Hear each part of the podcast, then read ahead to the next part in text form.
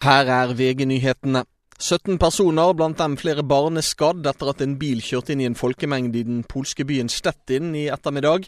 Vitner har uttalt at handlingen virket bevisst. Gjerningsmannen er pågrepet.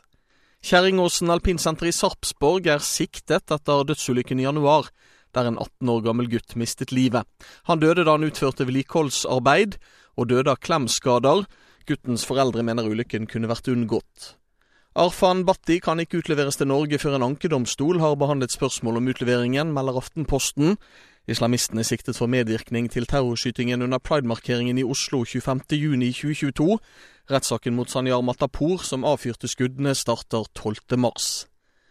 Justis- og beredskapsdepartementet får krass kritikk etter lånet som Nasjonal sikkerhetsmyndighet tok opp for å leie lokaler, og som førte til NSM-sjefens avgang. Utvalgsleder Svein Gjedrem la fram rapporten.